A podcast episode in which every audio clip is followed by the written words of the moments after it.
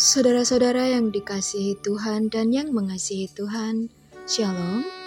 Kembali menyapa pada hari ini diambil dari kitab Matius pasal 13 ayat 31 sampai 33, dilanjutkan ayat 44 sampai 52.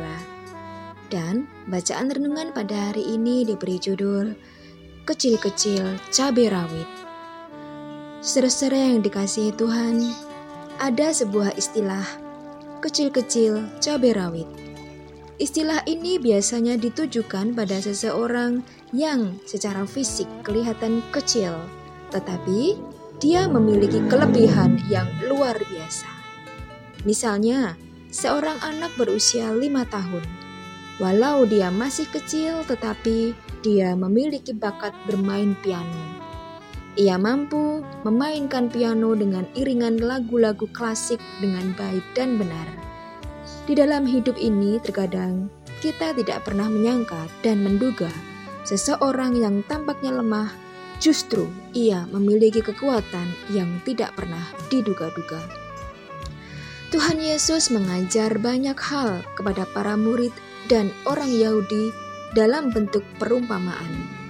Seperti pada bacaan hari ini, ada lima perumpamaan tentang kerajaan surga yang Tuhan Yesus ajarkan. Dua perumpamaan pertama diperuntukkan bagi orang banyak.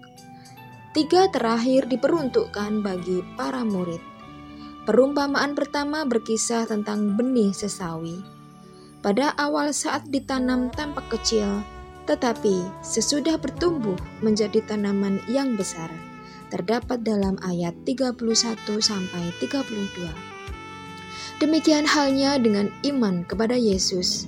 Ketika iman itu dijaga, dipelihara, maka akan menghasilkan buah iman yang besar. Saudara-saudara yang dikasihi Tuhan, bagaimana dengan kita? Untuk menghadirkan kerajaan surga di dunia melalui keluarga, masyarakat, tempat kerja, serta kehidupan bergereja, tidak perlu melakukan hal-hal yang besar atau membuat karya yang spektakuler. Namun, cukup melalui tindakan-tindakan kecil. Sesederhana apa pun bisa menjadi tanda dan sarana hadirnya kerajaan Allah. Itulah mengapa Yesus menggunakan perumpamaan tentang hal-hal yang kecil tetapi mampu bertumbuh mampu memproses dari gandum menjadi roti. Kita pun akan dapat menghadirkan kerajaan Allah melalui hal-hal yang kecil dan sederhana.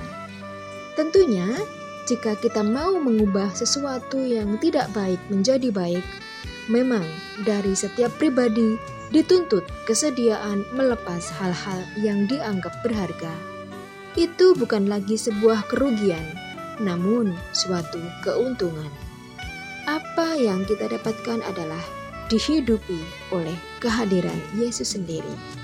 Selamat menjadi yang kecil namun siap untuk bertumbuh dan berbuah. Tuhan Yesus memberkati. Amin.